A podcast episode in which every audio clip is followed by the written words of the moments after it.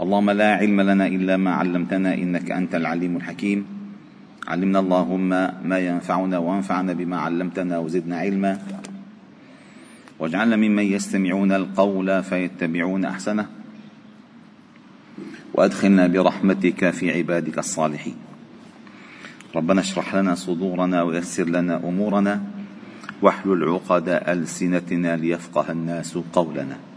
وبعد أيها الأحباب الكرام فموعدنا الليلة مع صحابي جليل كثر ذكره في آخر فترة في قراءتنا في خلافة بني أمية وهو عبد الله ابن عمر ابن الخطاب أبو عبد الرحمن.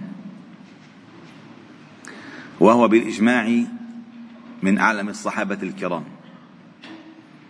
وعندما سنتعرف على شخصيته سندرك مدى الكنوز التي اكتنزها من العلم. الكنوز التي اكتنزها من العلم والخبرة التي اغترف منها من خلال معاشرته الأحقاب المتتالية.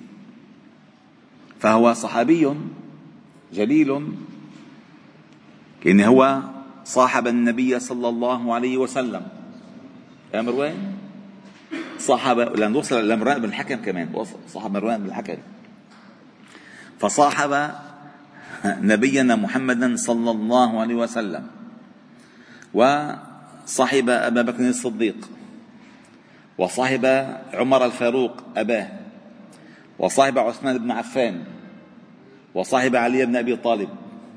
وصاحب الحسن بن علي وصاحب معاوية بن أبي سفيان وصاحب يزيد بن معاوية وصاحب معاوية بن يزيد وصاحب مروان بن الحكم وصاحب عبد الملك بن مروان. عبد الملك بن مروان. وتوفي في عهده. فإن هذه الخبرة التي عاشها وهو محافظ على تبليغ العلم والدعوة. كان رجلا وقافا عند حدود الله وله مواقف حازمة أمام الظلم والظالمين. وسمعتم في المجلس السابق هو الوحيد الذي وقف في وجه الحجاج وقال له كذبت كذبت كذبت. وهو الذي قطع له خطبته وهو يخطب الجمعة. وأنا بوصف وأنا آه كادت أن ينتهي وقت الصلاة. فقام ابن عمر وقال للناس قوموا إلى صلاتكم. إنما جئنا لنقيم الصلاة ونصلي. قال لنسمع بقبقتك. بقبقتك إن سرسرتك. فإذا انتهت الصلاة فأكمل بقبقتك. فما استطاع أن يفعل معه الحجاج شيئا لأن عبد الملك بن مروان حذره إياك أن تسيء إلى شيخنا شيخنا عبد الله بن عمر بأي كلمة. لأن هو هو هو الفاضل يعني. هو الباقي العلماء من الصحابة الكرام. وعندما سنعيش الآن يعني بموجز يعني موجز حياته. لأن هو عاش 86 سنة. 86 سنة. سنكتشف هذه المعارف التي اغترف منها. اولا هو عبد الله ابن عمر أبو عبد الرحمن قرشي عدوي أي من بني عدي. وولد عبد الله بن عمر بعد بعثة النبي صلى الله عليه وسلم بسنتين وأسلم مع أبيه دخل بالإسلام وهو ابن أربع سنوات. أربع سنوات. سبحان الله. إذ أن عمر أسلم في السنة السادسة للهجرة. وكان له زوجتان وأربع ملك يمين. رزق منهن بستة عشر ولدا وبنتا. فكان له من الذكور اثنا عشر ومن الإناث أربع. وروى عبد الله بن عمر 2630 حديث نبوي. عن عبد الله بن عمر أن النبي صلى الله عليه وسلم أو عن عبد الله بن عمر عن عمر بن الخطاب. كذلك. هذا كله أحاديث نبوية. هو, هو, هو رواها. اتفق له الشيخان على مئة وثمانية وستين حديثا وانفرد له البخاري بأحد بأحدا بأحد وثمانين حديثا ومسلم بأحد وثلاثين حديثا. قال الإمام مالك لأن علم الإمام مالك ينتهي إلى عبد الله بن عمر. وكما قلت لكم في المجلس السابق لولا علم ابن لولا علم ابن عمر ما استطاع الإمام مالك أن يكتب موطأه. فإن سلسلته الذهبية عن مالك عن نافع عن عبد الله بن عمر عن النبي وتسمى هذه السلسلة الذهبية كما سماها البخاري ورحمه الله تعالى هي أصح سندا. وعلى فكرة نافع من نافع؟ لأن كثر ذكر نافع. آه، عن مالك عن نافع عن ابن عمر. نافع مولى ابن عمر. أخذه بمعركة نيسابور. أخذه غلام دل معه 30 سنة. فأخذ من علمه كل علمه. هلا سيأتي معنا أنه موقف كثير مهم. طمع طمع كل الناس أن يكون هذا المولى له الذي عند ابن عمر له. فدفع فيه ثلاثين ثلاثون ألف درهم. فقال ابن عمر أخشى أن أفتن فيك يا, يا نافع أنت حر لوجه الله. مش ما أحد يعرض علي علي أبدا فأنت حر. وفي خلافة عمر بن العزيز أرسله إلى مصر فعلم الناس هنالك السنن. مولى جاي من معرفة نيسابور أصبح إماما في العلم. سبحان الله. لكن صحبة الصالحين فيها بركة. بركة. فقال قال الإمام مالك كان إمام الناس عندنا بعد زيد بن ثابت عبد الله بن عمر. مكث ستين سنة يفتي الناس. ستين سنة يفتي الناس. وقال نافع كان ابن عمر وابن عباس يجلسان للناس عند مقدم الحج فكنت أجلس إلى هذا يوما وإلى هذا يوما. فكان ابن عباس يجيب ويفتي في كل ما سئل عنه وكان ابن عمر يرد أكثر مما يفتي. قل لا أعلم لا أعلم لا أعلم. وقال الليث بن سعد كتب رجل إلى ابن عمر. كتب رجل إلى ابن عمر. أن اكتب إلي بالعلم كله. أعطيني اشرح لي العلم كله برسالة. شو متوقع يكتب ابن عمر؟ اسمعوا شو كتب. لأن في ناس بفكروا إنه مثلا أخذ الشهاده لصقها بالحيط أو حط على الكرت الشخصي تبعه ألف دال. إيه؟ أو إلى آخره فكر حوله. شغله بعده. فقال ابن عمر فكتب إليه. إن العلم كثير. إن لن أستطيع أن أكتب لك العلم كله. إن العلم كثير. ولكن إن استطعت أن تلقى الله خفيف الظهر من دماء الناس خميص البطن من أموالهم كاف اللسان عن أعراضهم لازما لأمر جماعتهم فافعل فقد حزت العلم كله. شو بتفيد شهادته؟ إذا أخذ أموال الناس وخايض في أعراض الناس وفي دماء الناس وياكل حرام شو استفاد؟ فقال إن العلم كثير ولكن إن استطعت أن تلقى الله خفيف الظهر. من إيش؟ من دماء الناس. خميص البطن من أموالهم. كاف اللسان عن أعراضهم. لازما لأمر جماعتهم. فافعل. فقد حزت العلم كله. شوف الرجل عليم والله هذا العلم. وقال ابن حزم. المكثرون من الفتيا عمر وابنه عبد الله وعلي وعائشة وابن مسعود وابن عباس وزيد بن ثابت. فهم سبعة. يمكن أن يجمع من فتيا كل واحد منهم سفر ضخم. لأن أنتم تذكروا لما قرأنا الموطأ مالك أغلب ما يذكره مالك عن عن نافع عن ابن عمر. هذا ما يذكره. وكان يقول وهذا ما وجدنا عليه علماء مدينتنا. ما تذكروا اللفظة دائما هيك سبحان الله. وروى ابن وروى أبو داود عن نافع عن ابن عمر. قال قال رسول قال قال وكان عبد الله ابن عمر كثير الاتباع لآثار النبي صلى الله عليه وسلم. حتى إنه نزل منازله ويصلي في كل مكان صلى فيه النبي صلى الله عليه وسلم. وحتى إن النبي صلى الله عليه وسلم نزل تحت شجرة فكان عمر يت... وكان ابن عمر يتعاهدها بالماء لئلا تيبس. الله أكبر. وروى أبو داود عن نافع عن ابن عمر قال قال النبي صلى الله عليه وسلم لو تركنا هذا الباب للنساء أي يدخلن النساء من باب خاص إلى المسجد. فقال نافع فلم يدخل منه ابن عمر حتى مات.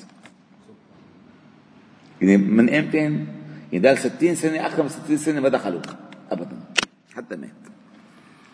وكان ابن عمر كان في حياة النبي صلى الله عليه وسلم إذا رأى رؤيا قصها على النبي صلى الله عليه وسلم. فتمنيت أن أرى رؤيا أقصها على النبي صلى الله عليه وسلم وكنت غلاما شابا أعزب. وكنت أنام في المسجد في عهد النبي صلى الله عليه وسلم. فرأيت في المنام كأن ملكين أخذاني فذهبا بي إلى النار. فإذا هي مطوية كطي البئر.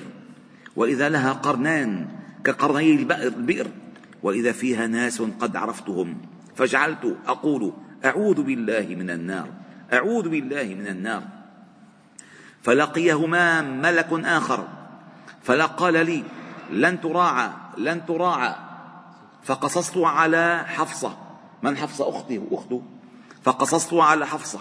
فقصتها حفصة على النبي صلى الله عليه وسلم فقال نعم الرجل عبد الله لو كان يصلي بالليل. فقال سالم فكان عبد الله لا يترك قيام الليل حتى مات.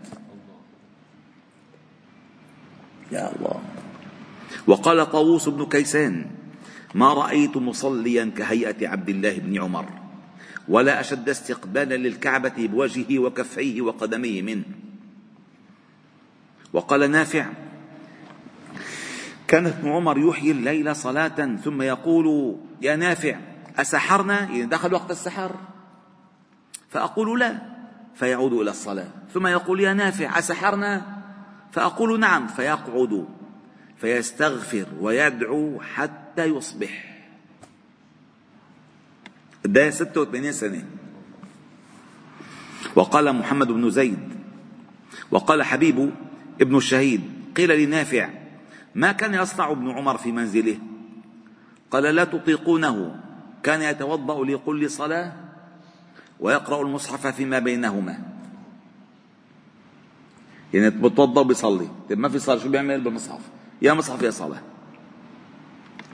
وقال نافع كان ابن عمر لا يصوم في السفر ولا يكاد يفطر في الحضر. يعني بالسفر ما بيصوم بس بالحضر على طول صايم. سبحان الله. الله. وقال نافع. لأن نافع هو يعني مولاه. مرض ابن عمر. فاشتهى عنبا. أول ما جاء إن أول ما نزل. أول ما نزل. لأن المثل بيقول يا أبو أحمد كل من العنب أوله ومن التين آخره. من العنب أوله من التين آخره. فقال فاشتهى عنبا أول ما نزل فأرسلت امرأته بدرهم فاشترت به عنقودا. اشترت. لقالوا لابن عمر عنقود عنب وجاي هالشغيل يجيب لهم اياه للبيت فاتبع هذا الشغيل سائل فقير. فلما دخل قال السائل قال السائل أنه أعطوني فقال ابن عمر أعطوه إياه. ثم بعثت بدرهم بدرهم آخر. قال فاتبعه السائل فلما دخل قال أعطوه إياه فأعطوه إياه. فأرسلت صفية إلى السائل تقول والله لئن عدت لئن عدت إلي لن تصيب مني خيرا. يعني تصور هو طلبه. هو اجى اسال له أعطوه أعطوه. يعني كان زاهدا. سبحان الله يا الله. وقال عبيد الله ابن عدي قدم من العراق فجاء يسلم عليه فقال أهديت إليك هدية؟ قال وما هي؟ قال جوارش. يعني بدي أهديك هدية. جوارش؟ قال وما جوارش؟ قال يهضم الطعام. إذا أكلت وانتفخت بتهضم. فقال ابن عمر ما ملأت بطني طعاما منذ أربعين سنة فماذا أصنع به؟ لا إله إلا الله لا إله إلا الله. وقال أيوب ابن وائل قدمت المدينة فأخبرني رجل جار لابن عمر أنه أوتي ابن عمر أربعة آلاف من قبل معاوية وأربعة آلاف من قبل إنسان آخر وألفان من رجل آخر. وقطيفة فجاء إلى السوق يريد علفا لراحلته بدرهم نسيئة. عنده دابة فراح يشتري علف لها بدرهم نسيئة يعني دين بكرة بعطيكم حقه بكرة بعطيكم حقه فقد عرفت الذي جاءه أمس عشرة آلاف درهم فأتيت سريته أي خادمته فقلت إني أريد أن أسألك عن شيء وأحب أن تصدقيني أن تصدقيني. قلت, قلت أليس قد أتى أبا عبد الرحمن أربعة آلاف من معاوية وأربعة آلاف من آخر وألفان من آخر وقطيفة؟ قالت بلى. فقلت فإني رأيته يطلب علفا بدرهم نسيئة. قالت والله ما بات حتى فرقها كلها. ثم أخذ القطيفة فألقاها على ظهره ثم ذهب فوجهها إلى حيث وجهها. فقلت فقلت فقال فقلت يا معشر التجار ما تصنعون بالدنيا؟ وابن عمر أتته البارحة عشرة آلاف درهم فأصبح اليوم يطلب لراحلته. علفا بدرهم قرضا. الله أكبر. وكان ابن عمر يقسم في مجلسه الواحد ثلاثين ألف درهم ويأتي عليه شهر ما يأكل فيه قطعة لحم. سبحان الله. الله أكبر. قال اسمعوا أجمل الحديث. روى البخاري عن نافع. قال حدثني ابن عمر رضي الله عنهما أن رسول الله صلى الله عليه وسلم عرضه يوم أحد من شأن القتال في سبيل الله. فلم يقبلني النبي صلى الله عليه وسلم وردني وأنا ابن أربع عشرة سنة. ثم عرضني يوم الخندق وأنا ابن خمسة عشر سنة فأجازني. يعني إذا أول معركة له كان بالخندق. كان شاب صغير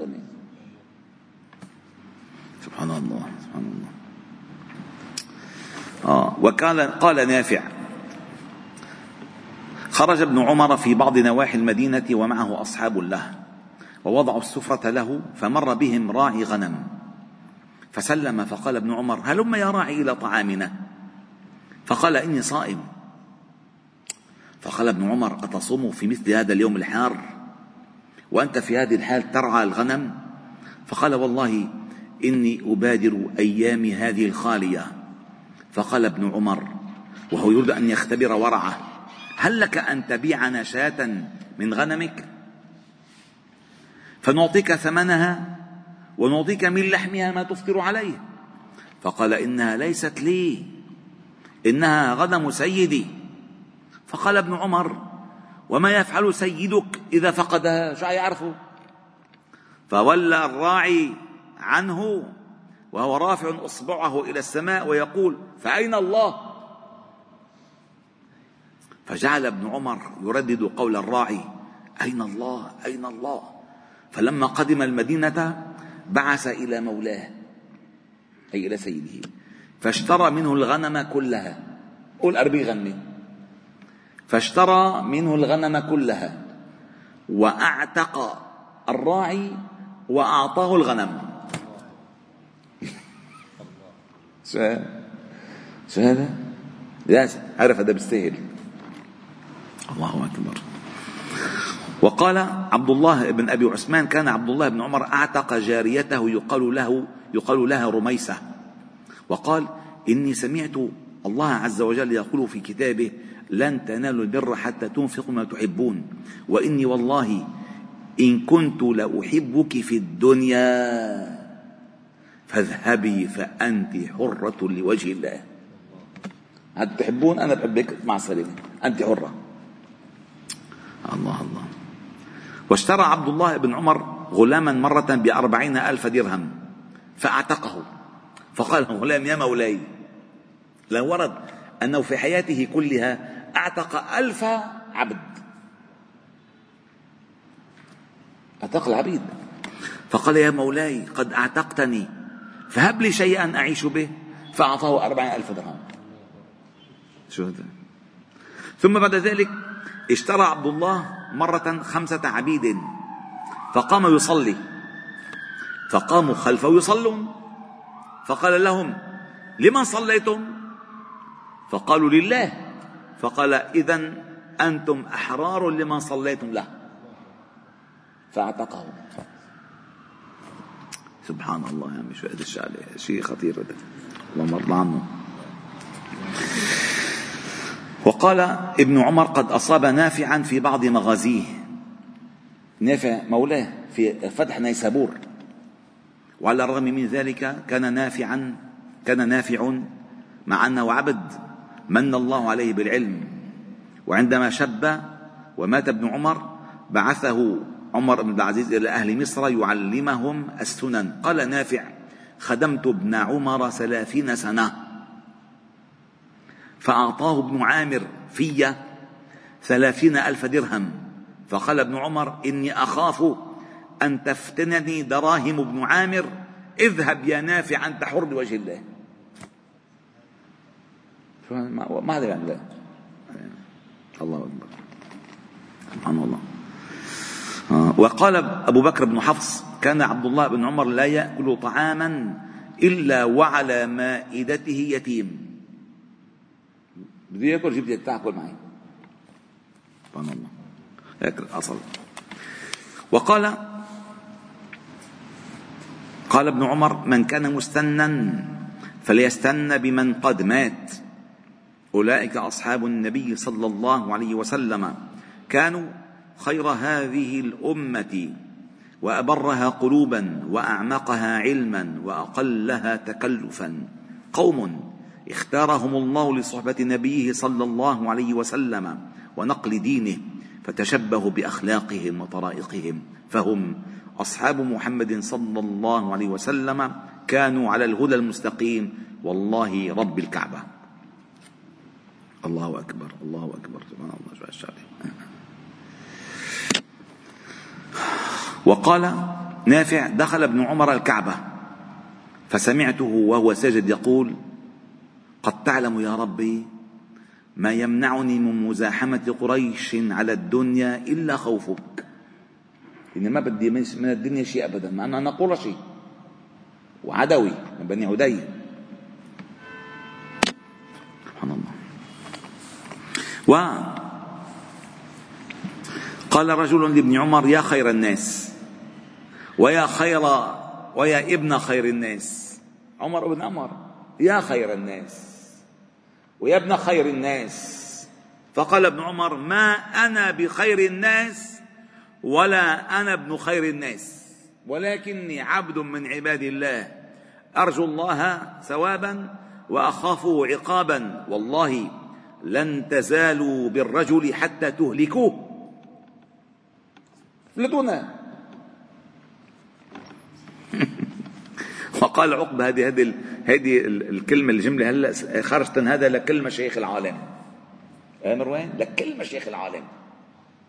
انشر يا أستاذ وصف. بس حقيقية ما تلعب بالنار انشر مثل ما هي قال عقبة بن مسلم. سئل ابن عمر عن شيء.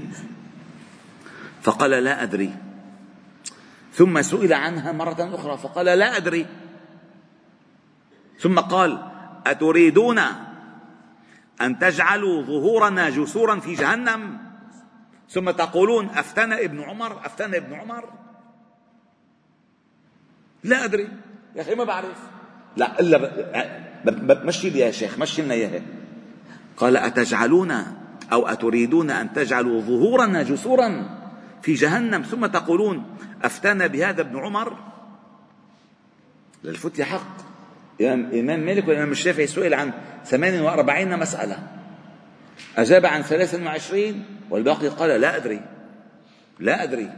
هلا بديه فتاوى على الهواء؟ ولا سؤال إلا ما بيعرفوه. ما هو؟ قل لا أدري أو سأراجع المسألة. لا أدري ما عندهم لا أدري. ومن قال لا أدري فقد أفتى. فمن قال لا أدري فقد أفتى. سبحان الله. وقال عبد الله بن مسعود أملك شباب قريش لنفسه عن الدنيا ابن عمر. الله أكبر. وقال جابر بن عبد الله ما رأيت أحدا إلا قد مالت به الدنيا أو مال بها إلا عبد الله بن عمر. وقالت عائشة أم المؤمنين رضي الله تعالى عنها ما رأيت أحدا ألزم للأمر الأول من ابن عمر. الله أكبر. لكن وقال سعيد بن المسيب لو كنت شاهدا لرجل من أهل العلم أنه من أهل الجنة لشهدت لعبد الله بن عمر. الله أكبر. وقال طاووس بن كيسان ما رأيت رجلا أروع أو أورع من ابن عمر ولا رأيت رجلا أعلم من ابن عباس. سبحان الله. وقال سفيان الثوري كما أذكر عمر عمر يقتدى به في الجماعة وابن عمر يقتدى به بالفرقة. يعني فقه فقه الاختلاف. بتشوف شو عمل ابن عمر وفقه الجماعة الدولة شوف شو عمل عمر فكان عمر وابن عمر الخطاب هن هدي النبي صلى الله عليه وسلم. وقال محمد بن الحنفية ابن علي قال, قال كان ابن عمر خير هذه الأمة. وقال أبو جعفر الباقر كان ابن عمر إذا سمع من وسلم حديثا لا يزيد ولا ينقص ولا ينقص ولم يكن أحد في ذلك أبدا مثله. سبحان الله. وقال ابن محمد بن شهاب الزهري الزهري لا يعدل برأي عبد الله بن عمر فإنه أقام بعد النبي صلى الله عليه وسلم ستين سنة فلم يخف عليه شيء من أمره ولا من أمر أصحابه. هلا سأذكر لكم بعض جمله المأسورة عنه ونختم بذلك. قال شيء من كلامه. قال ابن عمر البر شيء هين وجه طلق وكلام لين. البر شيء هين. وجه طلق وكلام لين. هذا البر. وقال يا ابن آدم صاحب الدنيا ببدنك وفارقها بقلبك وهمك فإنك موقوف على عملك فخذ مما في يديك لما, في لما بين يديك عند الموت يأتيك الخير. يا ابن آدم صاحب الدنيا ببدنك وفارقها بقلبك وهمك فإنك موقوف على عملك فخذ مما في يديك لما بين يديك عند الموت يأتيك الخير. وقال لا يكون الرجل من العلم بمكان حتى لا يحسد من فوقه ولا يحقر من دونه ولا يبتغي بالعلم ثمنا. ده صعب هيدي قال لا يكون الرجل عالما يعني لا يصح أن يطلق على الرجل لأنه عالم حتى لا يحسد من فوقه. لا لا يحسده ولا يحقر من دونه. شو فهموا هذا.